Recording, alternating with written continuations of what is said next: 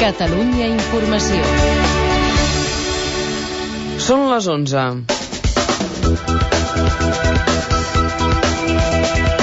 El president electe dels Estats Units, Barack Obama, designa Hillary Clinton, pròxima secretària d'Estat, i manté Robert Gates al capdavant del Pentàgon. Com a responsable de la política exterior, Clinton haurà de forjar noves aliances i restaurar la imatge dels Estats Units.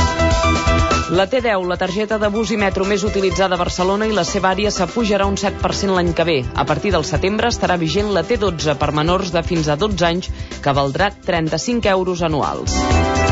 Cauen a pràcticament la meitat de les vendes de cotxes a Catalunya al novembre respecte de l'any passat, amb 9.900 vehicles matriculats. El sector diu que no recorda unes dades tan dolentes en els últims 15 anys.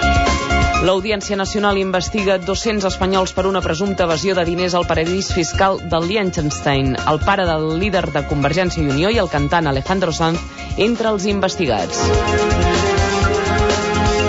I pel que fa al temps, aquesta nit i tot demà ens acompanyarà l'ambient fred. A la nit i a la matinada cauran pràcticament precipitacions de caràcter dispers, bàsicament al terç nord, tot i que no se'n descarta alguna de molt aïllada a altres punts del país. La cota de neu al voltant dels 600 metres.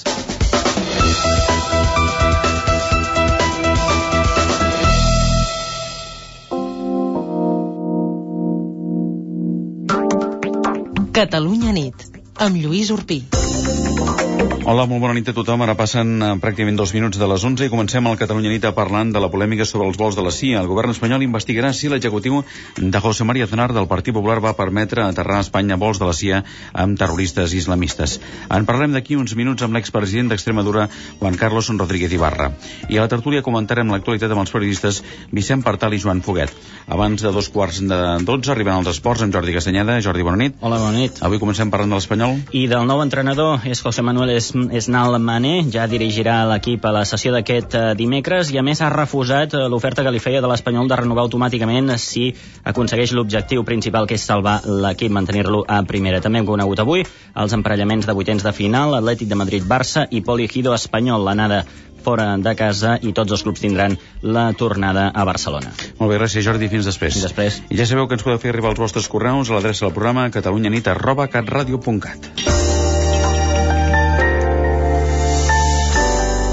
Caixa Penedès us amplia la informació i us acosta a l'actualitat. Les notícies més destacades a fons. Caixa Penedès. Persones al servei de persones. Ara passen 3 minuts de les 11. El govern de José Luis Rodríguez Zapatero obrirà una investigació interna per aclarir si José María Aznar va acceptar i va amagar que avions nord-americans que duien presos a Guantánamo fessin escala a Espanya. Madrid, Sigfrid Gras, bona nit. Hola, bona nit. Zapatero dit que desconeixia totalment aquesta informació que publica el diari El País i el cap de la diplomàcia espanyola, Miguel Ángel Moratinos, ha assegurat que ho investigaran. El gobierno y el ministerio actuado siempre en plena transparencia, con voluntad de asistencia a la Audiencia Nacional, a, a la justicia, y vamos a investigar todos los documentos que cuando llegamos al gobierno no tenía constancia hasta que han sido publicados. Por lo tanto, estamos haciendo una investigación y al término de la misma, pues todo lo que podamos ofrecer y asistir a, la justicia, a la Audiencia Nacional, lo haremos. Però si a banda la secretària general del PP, María Dolores de Cospedal, assegura que tot és una maniobra del govern perquè no es parli de la crisi econòmica. El gobierno puede estar preparando una estrategia para que no se hable de lo que de verdad preocupa a los ciudadanos y es que estamos hoy cerca de los tres millones de parados. Y un asunto que no es nuevo y que ya salió en las municipales porque por la información parece que se terminó en el año 2005 no le veo yo tanta trascendencia como para ser el objeto fundamental de los ataques del Partido Socialista estos días. I la presidenta de la Comunitat de Madrid, Esperanza Aguirre, afirma que es van fer més vols amb Zapatero que amb Aznar. Que lo que sí vi es esa estadística donde dice que eh, de todos esos vuelos, dos fueron en el tiempo de Aznar y, y nueve en el tiempo de Zapatero. La Fiscalia ha demanat que els documents que es facin públics s'incorporin a la investigació que fa l'Audiència Nacional i estiguin a disposició del jutge. Gràcies a Madrid, Cifricàs. José Montilla, d'altra banda, ha clausurat aquest vespre una exposició a Palma de Mallorca sobre Jaume I amb motiu del 800 aniversari del naixement del rei. El president ha reivindicat el seu llegat com a eina per fer avançar Catalunya. Anem a Palma, crònica de Sara Riera. Sara, bona nit. Bona nit. En el seu discurs per commemorar els 800 anys del naixement de Jaume I, el president Montilla ha advocat per recuperar el llegat del monarca amb la mirada posada en el futur i la millor opció per continuar enfortint els llaços dels territoris que en el seu moment van conformar la corona d'Aragó, ha dit Montilla, és l'euroregió. El president català ha suggerit que Catalunya, les illes, el País Valencià i l'Aragó avancin junts en aquest projecte que ara els continua vinculant de la mateixa manera que fa 800 anys quan es va començar a conformar l'àmbit dels països catalans.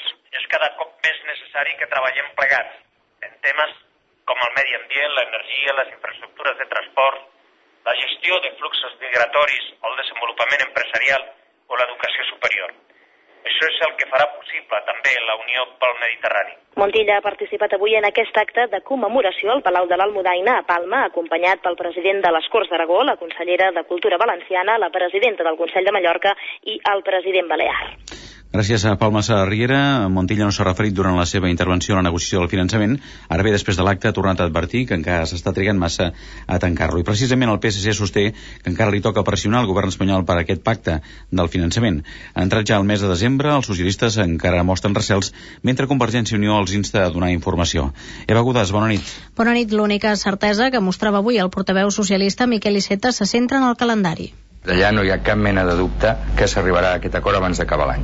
Però repeteixo, fins que no hi ha l'acord, no hi ha l'acord. Pot haver-hi la voluntat, però no tenim encara l'acord. I des d'aquest punt de vista, la nostra exigència, la nostra esforç negociador es mantindrà fins al darrer moment. I el líder de l'oposició, Artur Mas, recorda el compromís amb el govern de fa dos mesos per saber què està passant. Que eh, ens expliquin què està passant a Madrid perquè, malauradament, del que passa a Madrid en aquest moment en relació al finançament, Convergència i Unió, que és la primera força política de Catalunya, la més votada pels ciutadans de Catalunya, la que té més diputats i diputades en el Parlament de Catalunya, del que passa en el tema del finançament ens n'assabentem per la premsa. Després d'haver subscrit un acord amb el propi tripartit. Mas conclou que la unitat catalana pel finançament s'ha fos.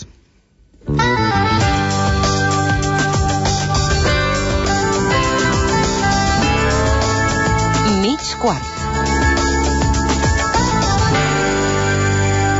Avui al Catalunya ens acompanya als nostres estudis a tot un personatge del món de la política que mai acostuma a deixar indiferent. Es tracta de l'expresident d'Extremadura, Juan Carlos Rodríguez Ibarra, que presenta un nou llibre. Senyor Ibarra, bona nit, buenas noches y bienvenido. Buenas noches. ¿Por qué este título de Rompiendo Cristales? Pues mire usted, cuando en España apostamos por la democracia y por la descentralización y el reconocimiento de los territorios diversos que existen en nuestro país, en realidad solamente hay dos comunidades autónomas que tienen tradición y que son reconocidas como tal por el Estado, que es Cataluña y País Vasco. Y había solo dos presidentes, el Mendacari y el presidente. El resto éramos pura imitación para, para, los españoles y teníamos muy difícil abrirnos un sitio en el contexto nacional, en una, en una disputa, si usted quiere, entre regiones que intentaban tener un sitio en el conjunto nacional. Todavía hay gente que sigue yendo a Extremadura y se asombra cuando ve lo que ve, en cuanto a que no era el desierto que le habían contado, etcétera, y casi siempre pronuncian la frase la gran desconocida. Bueno, pues imagínase hace 24 años, cuando yo empecé a presidir Extremadura, era absolutamente desconocida, no era la gran desconocida, era absolutamente conocida, no tenía ningún papel que jugar en el contexto nacional, no figuraba para nada, no pintaba para nada, y entonces, claro, yo me vi en la necesidad de tener que hacer como cuando uno va por una, por una calle donde hay mucha gente. Si tiras una piedra contra una luna y la rompes, casi todo el mundo se vuelve para ver qué ha pasado, quién ha sido, por qué lo ha hecho. Entonces, Extremadura yo quería que figurara en el contexto nacional, tuviera voz, tuviera presencia, y entonces me he visto la obligación de romper algunos cristales para que se supiera que estamos ahí. Que uh, las personas que nos están, nos están escuchando y que compren el libro, ¿qué, ¿qué, van a encontrar en este libro? Porque usted dice que no es un libro de memorias, es un libro de, de experiencias, de, de relatos, de, de, vivencias. Sí, mire, yo recibí muchas ofertas para hacer una biografía y siempre me negué porque me parece muy petulante que gente que no hemos hecho más que ayudar en alguna cuestión, en este caso concreto, al desarrollo de Extremadura, pues le contemos a la gente nuestra vida. Yo creo que las biografías están reservadas para los grandes personajes que han cambiado la historia. Tampoco es un libro de memoria porque sería muy corto, porque 30 años dan para haber conocido a mucha gente, haber tenido muchas experiencias, más y menos yo que tuve la suerte, como muchos españoles, de haber vivido en un tiempo que era el tránsito de la dictadura a la democracia, por lo tanto un tiempo apasionante. Es un libro de reflexión, es un libro que intenta plasmar por escrito lo que yo he venido diciendo a lo largo de 24 años como presidente de la Junta de Extremadura y que lamentablemente, o bien por mi torpeza, o bien porque sabe usted que muchas veces los medios están obligados a poner titulares más que una declaración entera, pues seguramente mi pensamiento político no ha estado suficientemente bien reflejado en cuanto a lo que yo quería eh, que significara. Y ahora era la oportunidad, una vez que me he retirado de la política, que ya no estoy en la primera línea, que ya no tengo necesidad de pasar por encima de nadie, porque eh, los políticos muchas veces nos vemos obligados a pasar por encima de alguien sencillamente porque está enfrente de ti, no porque tú le tengas manía, ni le tengas inquina, ni nada, ¿no? Pues ahora era el momento de reflexionar, y créame que es un libro de reflexión adobado de anécdotas y de algo de biografía para que la gente sepa quién está escribiendo, que solamente me conocerían los que me conocen del tiempo que estaba en la política, pero yo vengo de más atrás. Yo he tenido una infancia, yo he tenido una niñez y quería también que en esa parte fuera conocido el personaje que estaba hablando. Tengo la satisfacción de que hasta ahora nadie se ha sentido herido por el libro. Es decir, que he roto muchos cristales, pero yo creo que estos cristales no han herido en esta parte del libro, en este libro, no han herido a nadie. Eh, usted en el libro dice que tiene una fama inmerecida de anticatalán.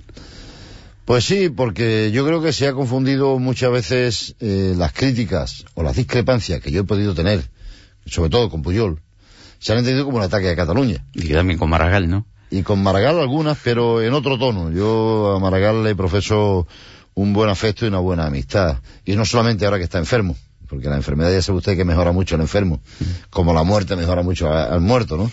Yo no, no, no he sido nunca mejor político que cuando tuve el infarto. Todo el mundo dijo lo bueno que era. ¿eh?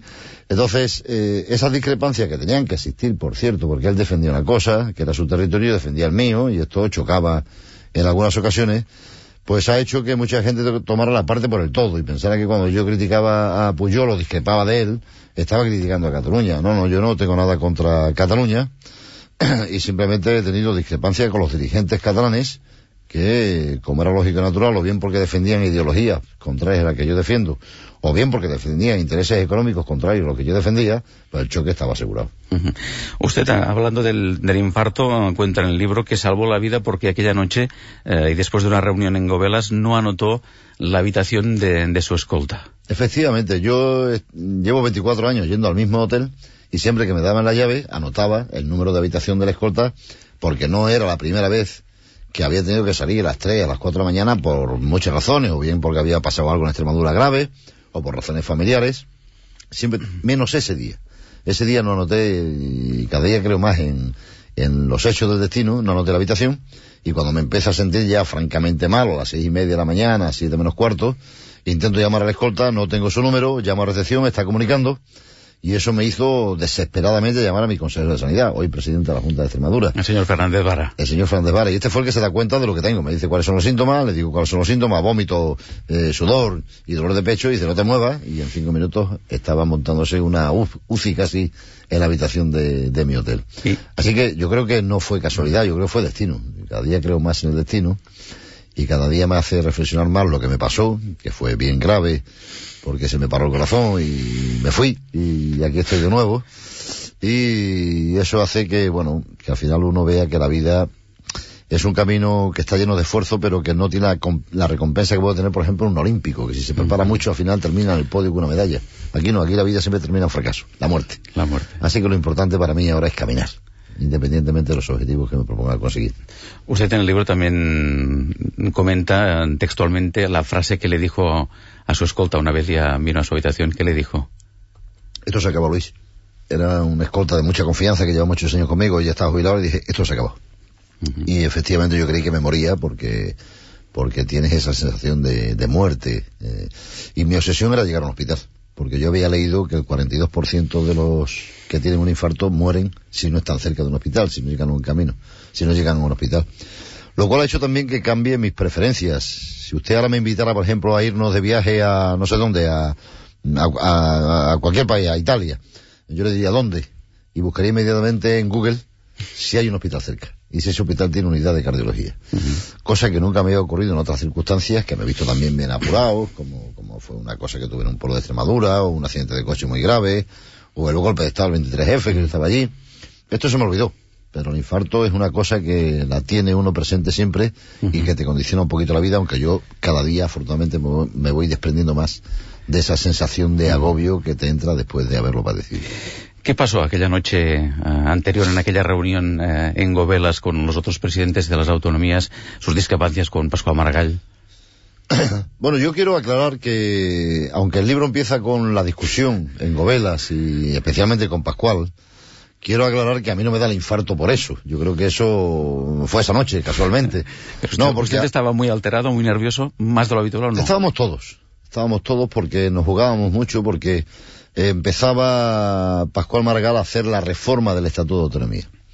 Y le recuerdo que un año antes nosotros habíamos tenido una reunión en Cantabria, en Santillana, donde habíamos hecho un documento que había venido precedido de una cena en el que había estado en Madrid, eh, Zapatero, Pascual Margal, Chávez, Bono y yo, y habíamos sido capaces de estirar nuestra concepción del Estado, unos para arriba y otros para abajo, hasta llegar a un punto en común.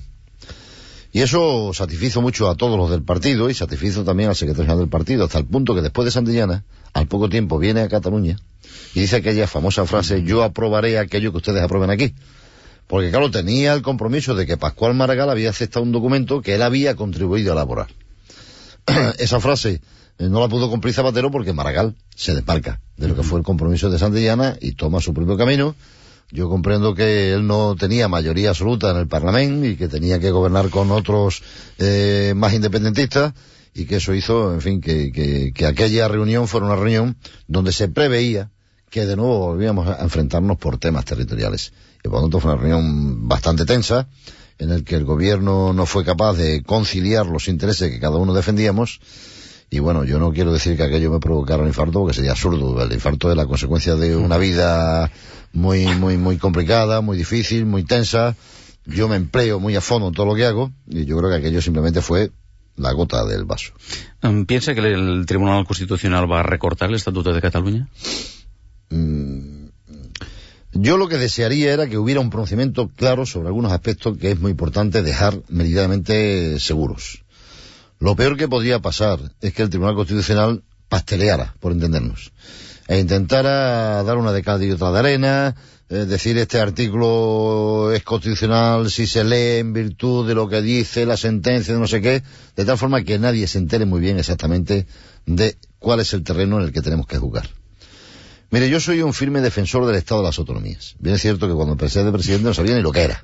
¿eh? Y le llamaban gobernador, ¿no? Eso es, me iba por los pueblos y decía la gente, viva el gobernador. Porque tampoco Extremadura sabía lo que era, como muchas regiones de España. Debo reconocer que los partidos nacionalistas, Cataluña, y País Vasco sobre todo, fueron los que impulsaron este proceso. Pero una vez que hemos entrado en él, yo debo reconocer que para mi región ha sido un milagro si no hubiera habido, si España hubiera seguido siendo una dictadura o una democracia con un poder central, nosotros casi hubiéramos desaparecido, porque en los años 60 y 70 perdimos casi la mitad de la población. Eh, ha sido un milagro. Yo lo defiendo. Y lo defiendo tanto que no quiero que se estropee. De tal forma que yo entiendo las razones de cada uno. Pero eh, si cada uno empieza a hacer la guerra por su cuenta, defendiendo sus intereses, es posible que esto comience a naufragar y es posible que cada uno piense que es más rico porque se queda con más cosas, cuando al final yo lo que creo es que seríamos más pobres porque no habría un poder central encargado de redistribuir las necesidades que los ciudadanos tienen en cada sitio y en cada momento. Por ejemplo, Cataluña en estos momentos tiene dificultades. Yo acabo de venir y he visto la dificultad de infraestructura que en estos momentos existen. Cataluña tiene problemas porque ha habido un fenómeno en estos últimos cuatro o cinco años de inmigración que ha trastocado el sistema educativo, el sistema sanitario. Yo como socialista tengo que reconocer eso y apoyar que no exista dualidad en ningún territorio. Y por tanto, independientemente del sistema de financiación, etcétera, tiene que haber un gobierno que tenga el poder suficiente como para decir, esto lo voy a corregir. Y en eso yo creo que, independientemente de cuáles sean sus competencias, sino que tenga la autoridad de cohesionar y de hacer posible que los territorios seamos eh, gente que tengamos un nivel equiparable en cuanto a renta y en cuanto a posibilidades de desarrollo. Es cierto que había regiones que iban al principio y otras que iban muy, muy atrás. Que esas regiones han hecho un esfuerzo de parar un poquito su marcha para que nosotros fuéramos también equiparándonos e ir todos juntos. Pero una cosa es que se haga voluntariamente y otra cosa es que comience a, fallar el coche. Yo estoy eh, absolutamente de acuerdo con que si falla el coche de Cataluña hay que reponer sus piezas. Condición, que no se dispare después porque eh, Cataluña siempre dice que es el motor de España. Bien, el motor no puede funcionar solo, el motor tiene que estar dentro del coche. Si no tiene coche no tiene sentido, es el motor. Mm, hablando precisamente del tema de, de la financiación, eh, me gustaría que comentara, que valorara una frase del, del presidente Montilla de hace una semana que dijo, no hay cálculo político con futuro ni ninguna estrategia ganadora en España a costa de Cataluña, en contra de Cataluña o sin Cataluña. Yo estoy de acuerdo. Creo que el sistema de financiación, sea el que sea, no debería ir contra nadie. y debería reconocer las cosas que están ocurriendo en nuestro país como consecuencia de una situación que no tiene que ver a la que había hace 20 o 30 años. Así que, mire, yo le voy a confesar, yo he negociado cuatro sistemas de financiación. Y los cálculos que se hacen son cálculos políticos. Es decir, ¿usted qué necesita? Usted necesita 100, bueno, pues yo ahora haré la fórmula para que a usted le salga 100 y el 0,08 del territorio, el 0,3 de la población envejecida, etcétera. Entonces, hagamos cálculos políticos de qué es lo que necesita cada región, cuáles son sus prioridades, cuáles son sus dificultades, y después ya se revestirá técnicamente en función de fórmula que, que encontremos. Pero estoy de acuerdo que no se puede hacer nada en contra de Cataluña, ni al margen de Cataluña, ni en contra de Extremadura, ni al margen de Extremadura. Yo creo que tenemos que intentar seguir equilibrando nuestro país para que todos podamos ir cambiando más o menos juntos, de la mano, como hemos hecho en estos 30 años. España es un país muy difícil y, y la historia nos demuestra que cada vez que hemos podido nos hemos peleado. Llevamos 30 años juntos. Mal que bien, yo creo que más bien que mal. Bueno, sería el momento de volver a sentarnos otra vez y volver a repensar el Estado para poder volver a caminar otros 30 años juntos. Y ya veremos a ver, así poquito a poco vamos construyendo sin que quede cerrado, como dice el PP. El PP dice que el Estado de la autonomía había que cerrarlo. Yo creo que es imposible, porque siempre aparecen fenómenos nuevos. Si hubiéramos cerrado en el año 80, 83, aparece de pronto la Unión Europea, España se incorpora a la Unión Europea, aparece la inmigración, aparecen nuevas necesidades escolares. Yo creo que no se puede cerrar nunca. Lo que sí debe que quedar definido cuál es el papel que tiene el Poder Central. Y el Poder Central tiene, desde mi punto de vista, tres funciones. Representarnos, coordinarnos y cohesionarnos. Uh -huh. Y eso requiere que tenga un nivel de competencia que no tienen por qué estar marcado, sino que sea capaz de que si, si alguien quiere llevarse un río y no evite, y, y eso no va contra la cohesión, que se lo lleve. Si va contra la cohesión, porque si no de lo contrario, yo entenderé que usted se quiera llevar un río como región X, pero usted entenderá también que yo me quiera quedar entonces con la energía como región Y. Uh -huh. ¿Seremos más ricos o seremos más pobres? Yo creo que seremos bastante más pobres. Uh -huh.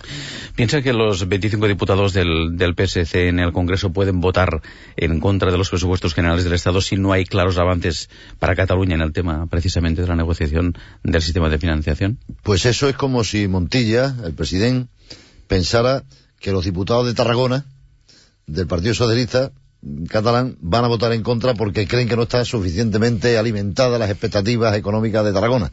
Él no lo entendería.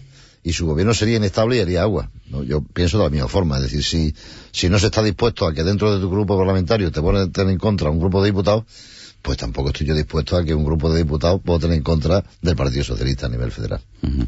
Hablando del Congreso, ¿qué piensa del anuncio de José Bono de que va a dejar la política cuando se acabe la legislatura? ¿Le ha sorprendido usted? ¿Sabía algo? No, no, no sabía nada, pero bueno, ya lo dijo cuando era ministro de Defensa y volvió. lo que dice es cuando deje de ser presidente del Congreso. Lo que no sabemos cuándo va a dejar de serlo. a lo mejor puede ser dentro de 12 años, o 14 años, o 20, yo qué sé. Porque es posible que en la próxima legislatura también sea presidente del Congreso. Por supuesto que ganar el peso en las elecciones. Hablando también de un tema de la actualidad de esta, precisamente de esta jornada, ¿qué piensa acerca de la posible autorización por parte de José María Aznar cuando era presidente de que aterrizaran en España aviones secretos de la CIA con presos uh, destinados al centro de Guantánamo? Pues es una declaración bien peligrosa, bien peligrosa. Es decir, eso significa que un presidente democrático de un país como España ha autorizado, si es que al final se confirman los datos, ha autorizado que eh, otro país utilice el nuestro para un asunto tan grave como es el tener a gente privada de los derechos humanos. Eh, yo creo que eso explica por qué Bush le permitía a Aznar poner los pies encima de la mesa. Porque estaba permitiendo cosas mucho más horrorosas que esa, uh -huh. que era traficar casi con seres humanos. Parece tremendo e indica eh, la sumisión de Aznar a, al presidente Bush y a la política de Estados Unidos. Hablando de derechos humanos y hablando de una cuestión que afecta a todo, a todo el Estado español, eh, usted en el libro habla de ETA y es muy claro. Habla de que si eh, o ETA, eh, ella y su entorno empiezan a hacer política o van a seguir haciendo terrorismo. Por tanto, usted dice que sin negociación no se va a acabar ETA. Yo sé que esto es muy peligroso decirlo porque en nuestro país inmediatamente uno es sospechoso, de, a pesar de su trayectoria, a pesar de que yo he defendido siempre a todos los gobiernos en el tema del terrorismo, decir algo de eso inmediatamente tienes alguna asociación de víctimas que salen contra tuya. Pero mire, todavía se está juzgando a alguno del grapo. Y habíamos terminado con el grapo hacía no sé cuántos años. Porque una banda no termina hasta que la banda no dice que ha terminado. Imagínense que mañana decimos hemos acabado con ETA. Y al día siguiente aparece un terrorista, mata a alguien y dice, aquí está ETA. Es decir, yo lo que creo es que mmm, durante mucho tiempo todos los gobiernos han hecho, han hecho un esfuerzo brutal por intentar debilitar a la organización. Y cada vez está más débil. Cada vez está más débil. Pero siempre estamos a la espera de que ETA tome una iniciativa. O bien en forma de tregua, o en bien de forma de alto al fuego, de cualquier forma. Y después vamos los demócratas, todos detrás de la estrategia de ETA, una vez juntos y otra vez separados, como ha ocurrido en los últimos años, detrás de lo que ellos deciden. Ahora paro, ahora mato, ahora paro, ahora mato. Yo creo que ha llegado el momento de decir, oiga, no, ahora los que vamos a decretar una tregua vamos a ser nosotros, los demócratas. Y le vamos a decir a usted que tiene tres meses para pensar si se disuelve o empezamos de nuevo una política de dureza, eh, sobre todo penitenciaria, de tal forma que sepan ustedes que podemos llegar hasta límites insospechados para aquellos que deciden continuar con esta, con esta lucha. Es decir, yo pretendo un poco lo que el presidente Uribe ha dicho este verano. Ha dicho, si FARC deja de matar, la sociedad colombiana sabrá ser generosa y meterles a ustedes dentro de la sociedad. Y que yo sepa, Uribe es muy respetado en este país. Viene, se recibe en Moncloa, se recibe en la sede de los partidos.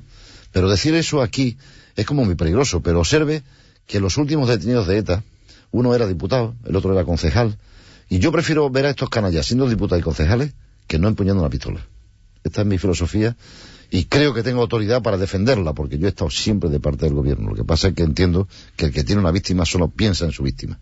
Nosotros, los que somos y hemos sido responsables políticos, tenemos la obligación de pensar no solo en la última víctima, sino en la próxima, uh -huh. para evitarla.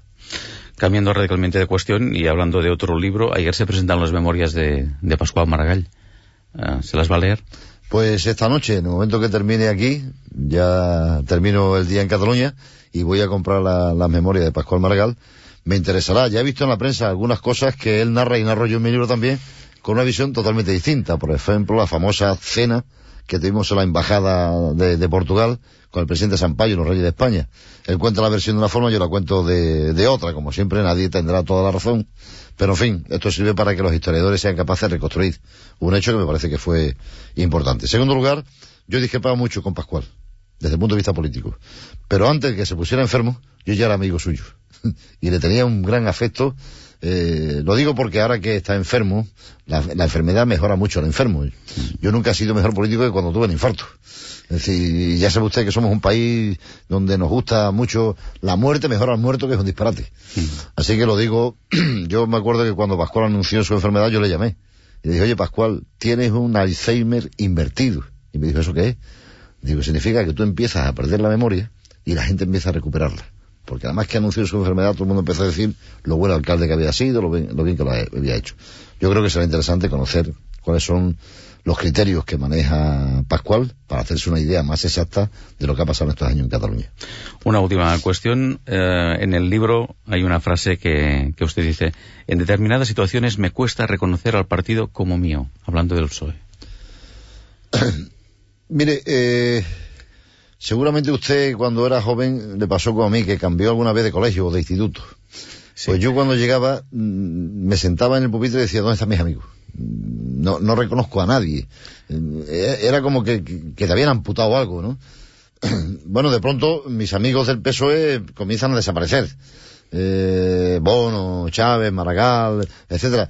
Guerra, Felipe, Corcuera, Venega, es decir, y de pronto aparezco en una dirección del partido, en este caso en con Zapatero, donde todos son alumnos distintos, son de otra generación, son, y entonces, como que no me siento muy, muy identificado, porque esto además de defender las mismas ideas, se trata de defender también las mismas vivencias. Y ellos tienen una vivencia distinta de las que yo he tenido, y he tenido con otros dirigentes de, del PSOE. Dicho esto, Zapatero y su equipo es la consecuencia del partido que nosotros creamos. Uh -huh. Es como los hijos. Dice, ¿usted qué piensa de sus hijos? Bueno, que son los mejores. es lo que yo he parido y es lo que he criado. Señor Rodríguez Ibarra, ha sido un placer. Gracias por habernos acompañado. Igualmente. Y buenas, buenas noches. Buenas noches.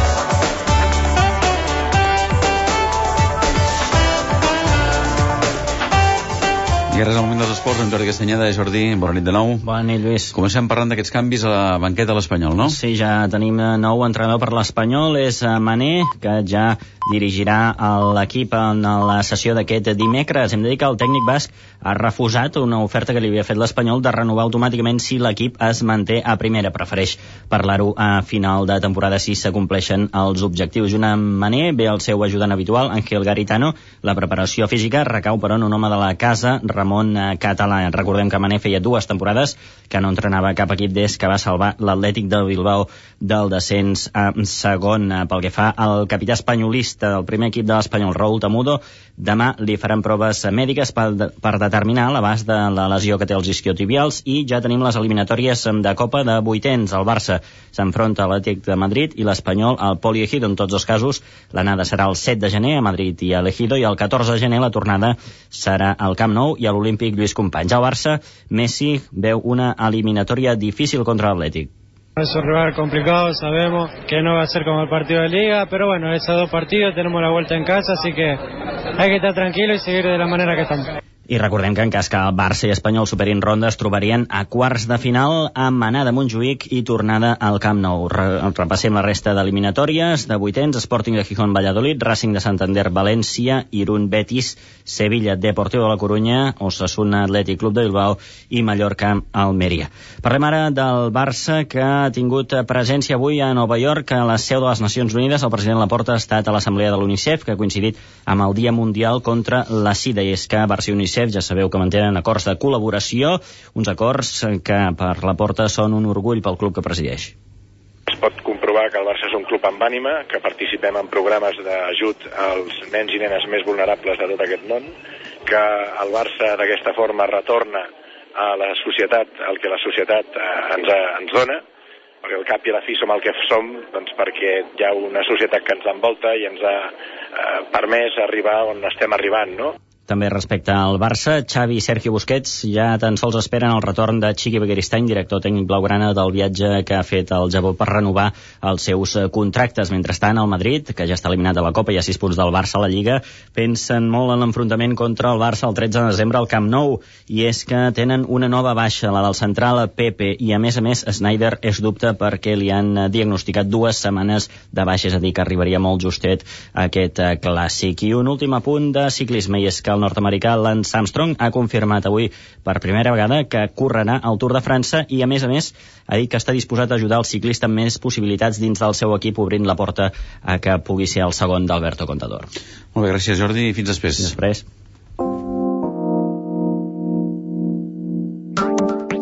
Catalunya nit, amb Lluís Urpí.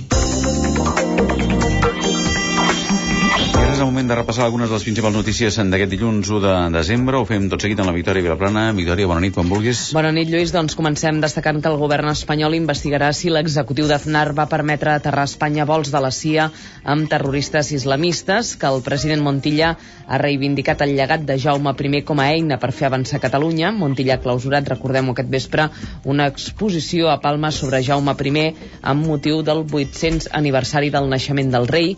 També hem destacat que Barack Obama vol acabar amb l'amenaça terrorista i anuncien noves aliances durant la presentació del nou equip de seguretat nacional. Hillary Clinton serà la secretària d'Estat i Robert Gates continuarà al capdavant del Pentàgon. Notícia eh, econòmica destacada ha estat també que les vendes de cotxes cauen al 50% en un any, segons dades de l'Associació de Fabricants en fa que al novembre a Catalunya s'han venut 9.900 vehicles.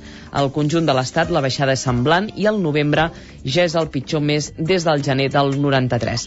Pel que fa al temps, aquesta nit i tot demà ens acompanyarà l'ambient fred. A la nit i a la matinada cauran precipitacions de caràcter dispers, bàsicament al terç nord, tot i que no se'n descarta alguna de molt aïllada a altres punts del país. La cota de neu al voltant dels 600 metres.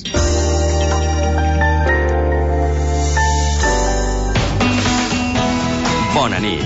El número premiat del cupó diari celebrat avui és el 55.559 55559 Demà, com cada dia, hi haurà un venedor molt a prop teu que reparteix il·lusió. Bona nit i recorda que amb el sorteig de l'11 la il·lusió es compleix. A Caixa Penedès estem d'enhorabona. El Fons Penedès Pensió Creixent 10 ha estat publicat pel diari 5 dies com el pla de pensions del 2008 més rendible de totes les categories. I a més, els plans Penedès Pensió Creixent 10 4 i 2 apareixen entre els 10 plans garantits més rendibles. Vingui i informis dels nostres plans de pensions. Caixa Penedès. Persones al servei de persones. Catalunya nit. L'anàlisi de la política i els seus protagonistes a Catalunya Informació. Ara passen 5 minuts de dos quarts de 12. Ja sabeu que ens podeu fer arribar els vostres correus a l'adreça del programa catalunyanit arroba catradio.cat. Avui a la tertúlia ens acompanya Joan Foguet. Joan, bona nit. Hola, molt bona nit. I d'aquí uns instants s'incorporarà també el periodista Vicent Partal. Bé, d'entrada vol comentar alguna cosa del que ha dit en eh, Rodríguez Ibarra ara fa uns instants a, a l'entrevista? Home, per començar, eh, sempre fa molta gràcia no veure com els, els expresidents, oi, els expolítics que estan fora de la primera línia, parlen molt amb una gran llibertat, amb una laxitud i, i sembla ser amb una sinceritat que abans no tenien, no?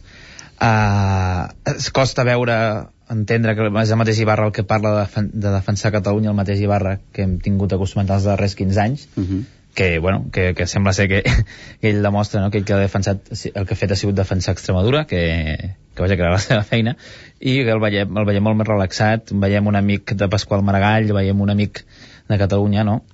I una persona que és, si més no controvertida, una persona que li va canviar la vida amb l'infart, una persona que, que vaja, que crec que el llibre és, és bastant interessant. Uh -huh. eh, no només per les revelacions sobre el pensament sobre ETA, que, sobre que prefereix tenir aquests canalles, ha dit, uh, de diputats o de regidors que no empunyen una arma, no? que és una que és una, un pensament molt interessant i un pensament que estic segur que portarà molta polèmica a la que això arribi a tots els mitjans i per altra banda també al final una altra cosa que m'ha agradat molt que és el, la qüestió del PSOE no? que ella està dintre d'una direcció del PSOE compartint eh, una sèrie de valors perquè si no seria el mateix partit però m'ha interessat molt això de les vivències no? o sigui, he trobat molt també aquesta, aquesta, aquesta ànima no? de, que, que a vegades oblidem que els polítics també són persones no? evidentment, evidentment i que no, m'ha agradat molt això de que, de, que moltes vegades les afinitats personals compten a, en el, com és evident, no? en l'empresa i en la política. No? M'ha semblat molt interessant i molt franca l'entrevista. Mm -hmm. mm, I del que ha dit sobre José María Aznar, sobre aquests vols de la...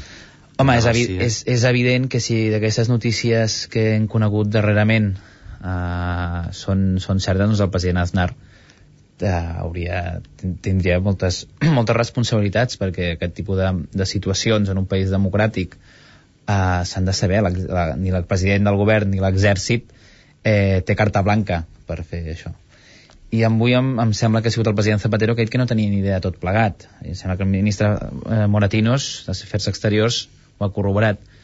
Uh, això també preocupa. -hmm. També preocupa veure que segons quina part de, de l'establishment de la gent que ens governa eh, no sap les coses perquè és inoperant o perquè menteix. Això cal, caldria saber-ho. No sé què és pitjor, que si menteixi o que sigui inoperant. Mm -hmm. Acaba d'arribar als nostres estudis Vicent Partal. Vicent, bona nit. Estic esbufegant. Benvingut. Eh? Molt bé, bona nit. Pel retras. Sí, sí. No, no sé si eh, ha tingut l'oportunitat d'escoltar l'entrevista amb, amb Rodríguez i Ibarra.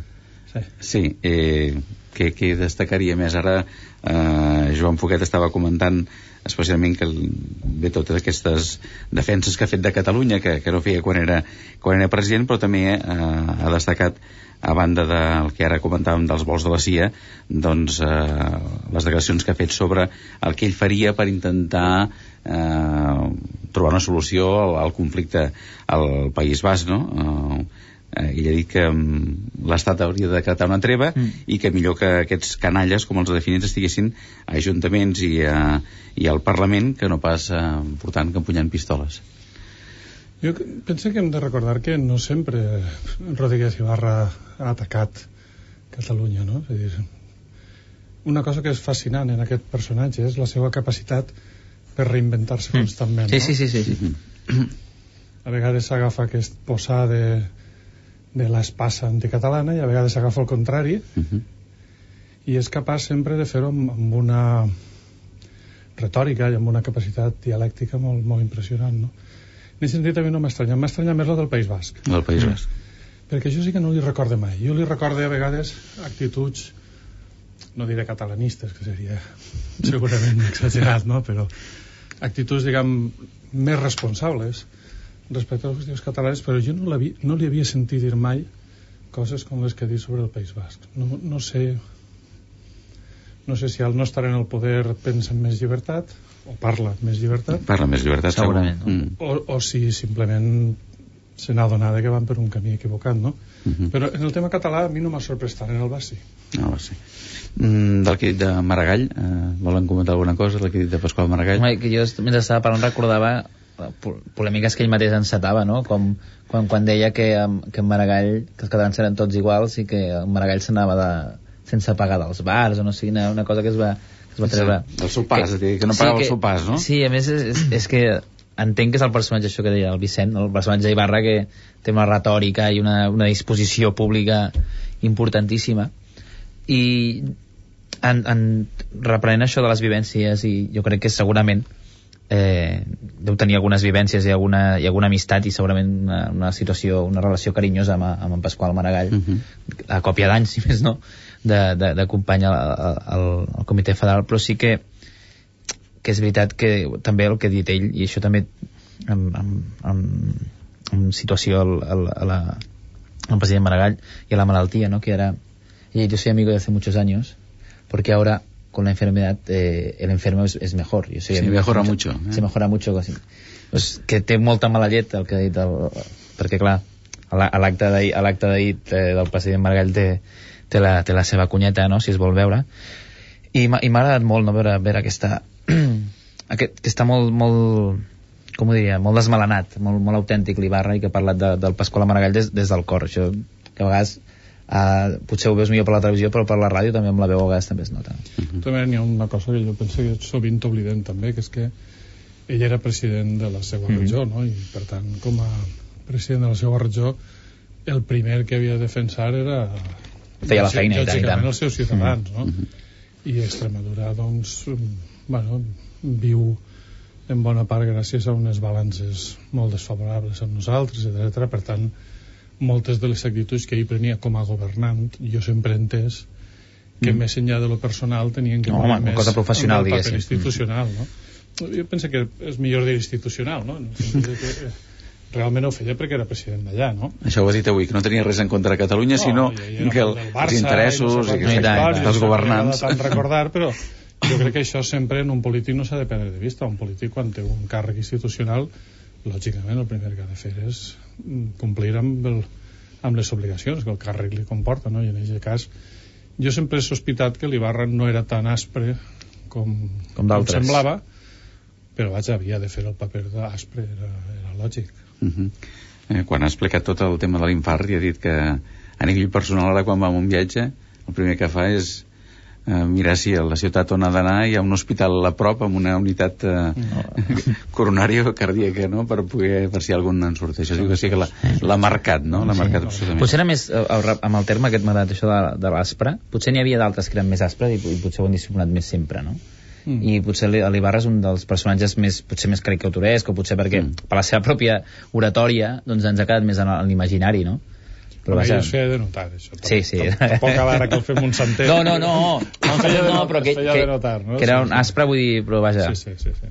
I potser altres eren més aspres, potser. i ha justificat, eh, pogut escoltar que ha justificat Zapatero de no complir la promesa que va fer en aquell míting, eh, just dient que ell respectaria el- el- l'estatut que aprovés el Parlament de Catalunya, no? perquè diu que Maragall es va passar i que no va respectar, el, en aquest cas, segons ell, eh, el pacte de Santillana del Mar de tots els líders dels eh, els barons socialistes, podríem dir. En aquest sentit és interessant, jo m'he llegit aquest cap de setmana el llibre de, que està oda inacabada de, de l'expresident Maragall i, home, eh, diguem que jo penso que Zapatero és qui pitjor parat queda en tot el llibre, no? És a dir, realment el relat fet per una persona que era presidenta de la Generalitat en aquest moment de totes les trampes, eh, mitges Sí. tintes, enganys... Això, l'engany. O sigui, amb Zapatero no És- només és desconfiança, és- és- sinó és- la recança és per l'engany. No? és espectacular, realment espectacular, tal i com el president Maragall l'explica Sí, llibre, no? sí. Dir, el president Montilla al final el salva una mica, no acaba d'entendre per què, però bueno, el salva un poc, no, no entra a matar, diguem, en canvi amb Zapatero, vaja, eh, s'hi esplaya de valent. Volen destacar alguna cosa més d'aquest llibre de Maragall i de l'acte d'ahir, de l'acte de presentació? Home, de, de l'acte d'ahir no només per la situació ni per el que s'ha publicat, sinó per, per alguna vivència, va ser un acte molt estrany. És a dir, va ser un acte que, en el qual el, el president Maragall presentava el seu llibre, en el qual va parlar directament amb els seus amics, perquè és un acte en què va parlar, va, va, va dialogar amb, amb la gent que li interessava, en parlar dels seus amics, i en canvi hi havia com una espècie de, de, de naturalitat eh, protocolària que em va semblar una miqueta estranya. És a dir, eh, no sé si aquell, aquest acte era de, de l'expresident de la Generalitat o si era, era d'en Pasqual Maragall i Mira, ciutadà, que fe, feia, que feia el seu acte. No sé, és difícil de destriar una cosa de l'altra, mm. estic segur. Però clar, eh, trobar-te a la plana major del Partit dels Socialistes quan fa eh, mesos, estem parlant de mesos, eh, havien acabat a la grenya i que ara tot sigui una cosa mm, ben pensant, una cosa estupenda i que tots aquí contents, que potser sí, però ho vaig trobar com un afegitó que no... Jo no me l'haig acabat de creure. És dir, jo us dic això. Jo és que no... vaig trobar aquest estrany, en aquest nivell, sempre buscant-hi la, la cosa aquesta rere política i tal, no? Però és que no... no em va, va ser sobre això. Jo penso que el Maragall en estat més pur, eh? Sí, sí, sí, tant i tant. No, no, si va, ser, va, va fer xalar molt, xalar molt. Que ha perdut les ulleres, de repente li duen les ulleres, no saps la lletra si gran i tot. No, la lletra gran, no sé què. Aquella manera d'anar nomenant a gent i, i, i diguem, instant a la gent per, de sí, paraula sí. i diguem tu això, no sé què, tu allò altre, no? Eh, el president Montilla que ha d'anar a visitar la fundació del seu avi o l'arxiu o no sé què era jo trobo que era Maragall en la seva salsa era allò, sí, sí, sí, sí, el Maragall no. més, més desinvolt respecte a l'altre jo crec que en tot cas qui li té molta por és el PSC és a dir, el PSC perquè en el llibre precisament un altre moment molt dur és quan ell explica que que, que ell ve a aquesta casa precisament a fer una entrevista i explica que, que, que ja no té carnet i que ja no es considera militant sí, del PSC militant, sí, sí. i hores després ell en el llibre diu i tots sabem que va ser bastant així que el PSC filtra el tema de l'Alzheimer no? i és, qui, és el PSC qui intenta sí, sí. treure importància al gest de Maragall vinculant-lo a la malaltia personal que pateix no? Clar, això és una jugada molt bruta sincerament és molt bruta no?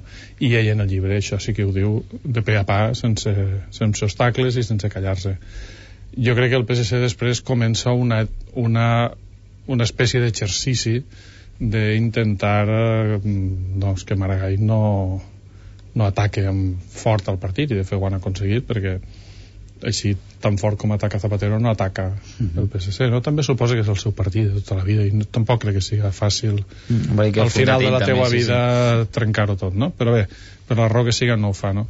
I, i jo crec que el PSC va molt en aquesta línia no? de, no, de, de fer veure que estan molt al seu costat amb por, se'ls nota la por jo sí, sí, la, sí, sí. la fila aquella primera, aquella, la, la, primera la primera estava buida perquè amb la segona on hi havia la plana era com de 13, era com de 13 sí, se'ls veia tensos no? Sí, exacte, a sí, veure sí, ara sí. què dirà, què dirà en Maragall no?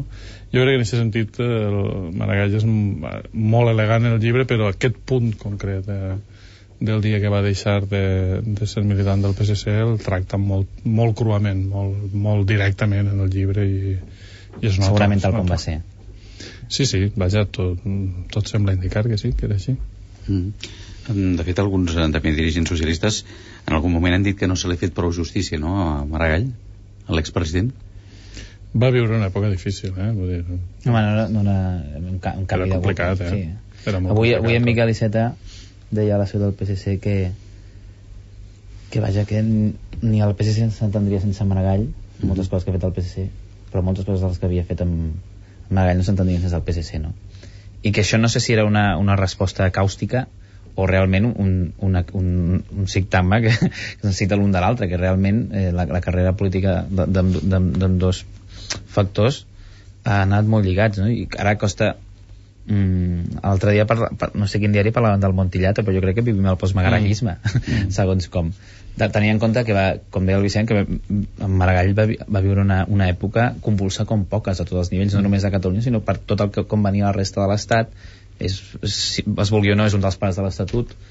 Mm, no va ser gens senzill. Va acabar com a acabar amb un govern eh, desfet i ja té una herència, un pensament i una manera de fer això no, no molta gent ho pot dir no? però em falta 10 anys eh, per valorar perquè Maragall perspectiva, una... no? Perspectiva. Sí, sí, sí, Maragall hi ha una cosa que és indiscutible que és que s'inventa l'alternança dir, la, la filosofia d'acostar iniciativa per Catalunya, però sobretot Esquerra Republicana, cap al PSC, que és una cosa que ara es veu amb una certa no, lògica, no. però que 15 anys enrere semblava impensable. No, no, i 5, la nit, la nit del 2003, la nit ah, electoral, que ah, molta no, gent... Dir, aquesta idea de dir no serà el PSC qui guanyarà el poder, sinó que serà el tripartit, això és Maragall 100%. Mm -hmm. no?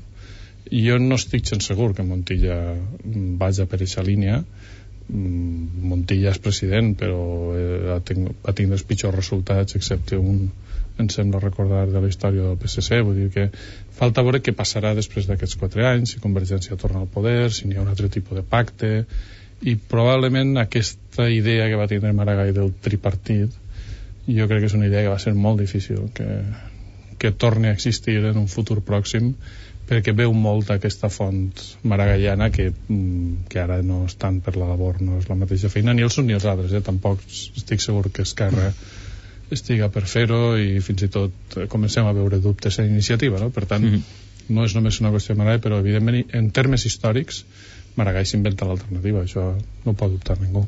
Mm. Ara passen pràcticament 6 minuts de 3 quarts de 12, estem fent tertúlia el Catalunya Nit amb Vicent Partal i Joan Foguet. El que comentàvem sobre aquests vols de la CIA, com, com ho veuen vostès? Donar tenia, va permetre aquests vols, eh, tenia coneixement, els va autoritzar, ara de, en principi doncs el, el govern espanyol diu que ho ha d'investigar com si no sapés absolutament res d'això em sembla im, absolutament impensable que un avió aterre en territori de l'estat espanyol i el govern I ningú sap no, res. no cap mecanisme per a saber-ho no? és que no és només un, són I diversos, no un, són diversos sap tot, no? Vull dir, si ho sap si es pot veure detalladament a la, a la informació de, del país es veu eh, vol per vol, per d'on venia, cap on anava, ja són ja en els codis, si suposo que... Sí, sí. Però, vaja, és, és una miqueta... Això s'ha d'investigar, s'ha d'investigar el ministre d'Exteriors, que és el que rep el primer informe, que és el que activa amb el president Aznar, és el que activa tot aquest, tot aquest, eh, aquesta cosa tan... Bueno, que s'hauria d'investigar perquè és bastant, és bastant fort tot plegat i l'altra cosa és que, bueno, ho he, dit, ho he dit abans, però que el president del govern d'Espanya digui avui en dia que no té ni idea de res del que li estan parlant i que el ministre d'Exteriors digui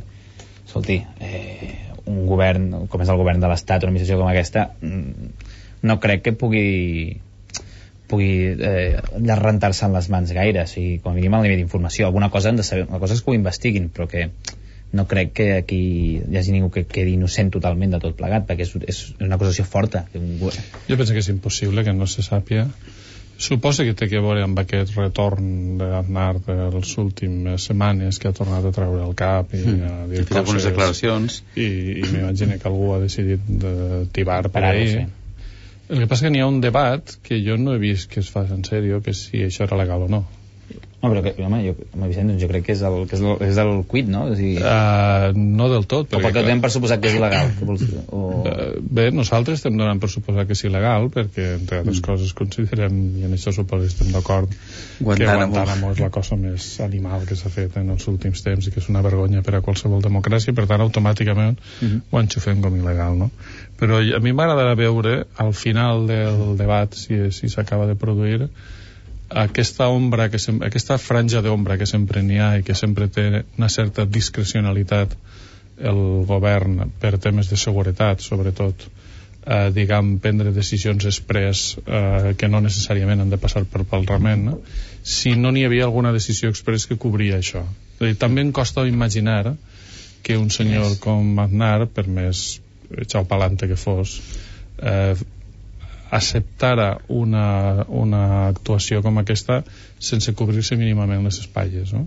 i això ja ens ha passat que no hi hagi, que no hi hagués una, una cobertura legal no? que no hi hagués algun tipus de cobertura legal immoral, tot el que vulgueu però eh, a mi em sorprendria molt que una decisió d'aquest calat es limitaren a dir sí, sí, que passen no? jo m'imagino que deu haver algun tipus de decret, algun tipus de cosa confidencial, no sé què és, eh? no tinc ni la menor idea del que és. Als Estats Units eh, és, és pràctica habitual, els decrets executius sí, sí, sí. que no es fan públics. No, no estic al 100% segur de què passa així, però a mi també em sorprendria molt que un govern com el govern espanyol de l'època, que no eren uns indocumentats, eren una altra cosa, però indocumentats no, eh, no hagués previst algun tipus de... de això deixa rastre, sí, sí. De, això, de deixar un rastre. En algun lloc ha d'haver una nota que diu... Algun paper, no? El govern que espanyol en aplicació... papers, Recorda que, per exemple, n'hi ha convenis bilaterals amb sí, els sí. Estats Units que han estat moltes vegades reclamats i denunciats mm, com que contenen clàusules molt abusives és a dir, possiblement ha, algun lloc tindrien on agafar-se em costa molt creure que ho van fer a, de tota manera és flagrant. És una, és, és, sí, sí. és, democràticament és molt important. S'ha de, donar, de donar explicacions i s'ha de, de castigar qui calgui. Molt bé, ara aquí demanem explicacions. No és a José María Denar ni a mi tampoc, eh, Lluís no. bueno, bueno, bueno. No. demanem explicacions però d'una altra mena Victòria Vilprana, Victòria, bona nit de nou. Bona nit Lluís, tenim per... totes les portades. Totes les portades, doncs increïble vinga. avui, però les tenim totes. Uh, aviam, hi han diaris que treuen algunes cosetes que són seves, eh, exclusives seves. Aviam, tots sabíem més o menys que hi havia molts membres del tripartit, per exemple, que estaven a favor de que els immigrants poguessin votar. Doncs bé, avui la Vanguardia titula el govern vol que els immigrants puguin votar. El pacte per la immigració donaria dret a vot només a les eleccions municipals i el tripartit planteja que la nacionalitat s'obtingui amb 5 anys de residència.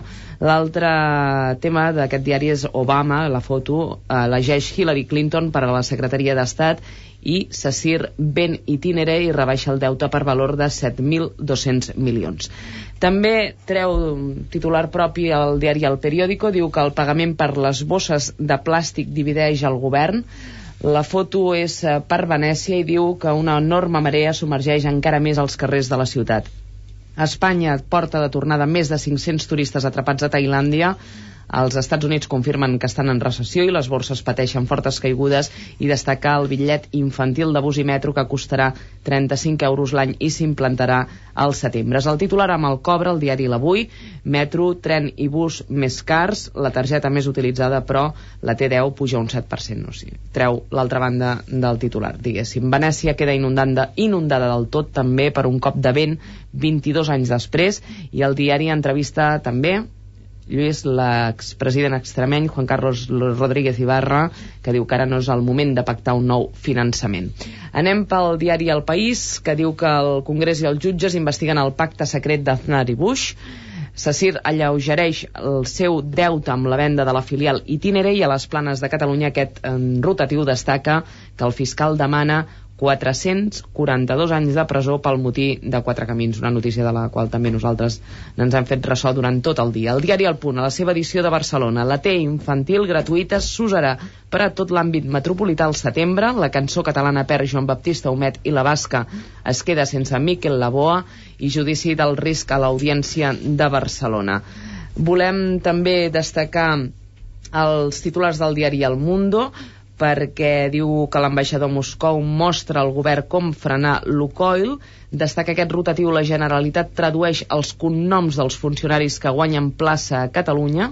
És una notícia que no hem pogut desenvolupar millor perquè realment el gràfic no es veu prou bé i investiguen la procedència dels dos milions que el pare d'Artur Mas va evadir a Liechtenstein. Hi ha més rotatius, però bé, el temps ens no tenim més temps ja. Molt bé. Gràcies, Victòria, i bona nit. Bona nit. Volen fer algun comentari molt ràpidament d'algun dels titulars que us hagi cridat l'atenció? Home, per una banda, eh, valorar que, que el govern es dediqui a la ciutadania dels immigrants, bé si són 5 anys o siguin els que siguin, però és un tema important. No ens sembla tan important o com a mínim no al mateix nivell que hi hagi una, una polèmica governamental per les bosses de plàstic. Imagino que, vaja, que hauríem de tenir les prioritats, com a mínim, a l'hora de posar-hi l'acció política, les hauríem de tenir ben clares. Vicent? Bé, jo recordar que el govern no pot fer res en el tema de la immigració, per tant, que parlen tant com vulguin, però no poden fer res, no tenim competències, mm -hmm. ja està. I la segona sí tenir un record per Miquel Laboa, que és un dels noms que durant dècades ha acompanyat tota la gent que lluitava per la llibertat en aquest país. Molt bé. Fins aquí la tertúlia, Vicent Partada i Joan Foguet, gràcies, bona nit i que vagi molt bé.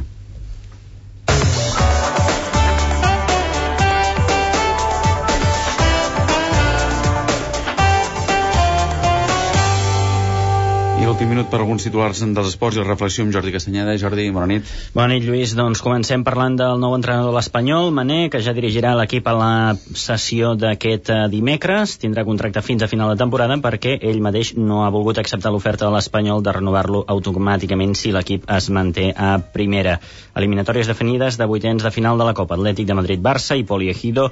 L'anada dels equips catalans la tindran a fora de casa, la tornada al Camp Nou i a l'Olímpic Lluís Companys. I avui a la porta ha estat a les Nacions Unides, però la seva, el seu discurs, la presentació d'aquest informe mundial contra la sida ha coincidit amb el nomenament de Hillary Clinton com a secretària d'Estat de l'administració Obama i, per tant, en certa manera ha quedat eclipsada la presència de la porta a UNICEF. Molt bé, gràcies Jordi, bona nit i fins demà. Fins demà. I demà parlem amb Agustí Colomines, director de la Fundació Catalanista Demòcrata Trias Fargas. Fins demà, gràcies per la vostra atenció, bona nit i molta sort.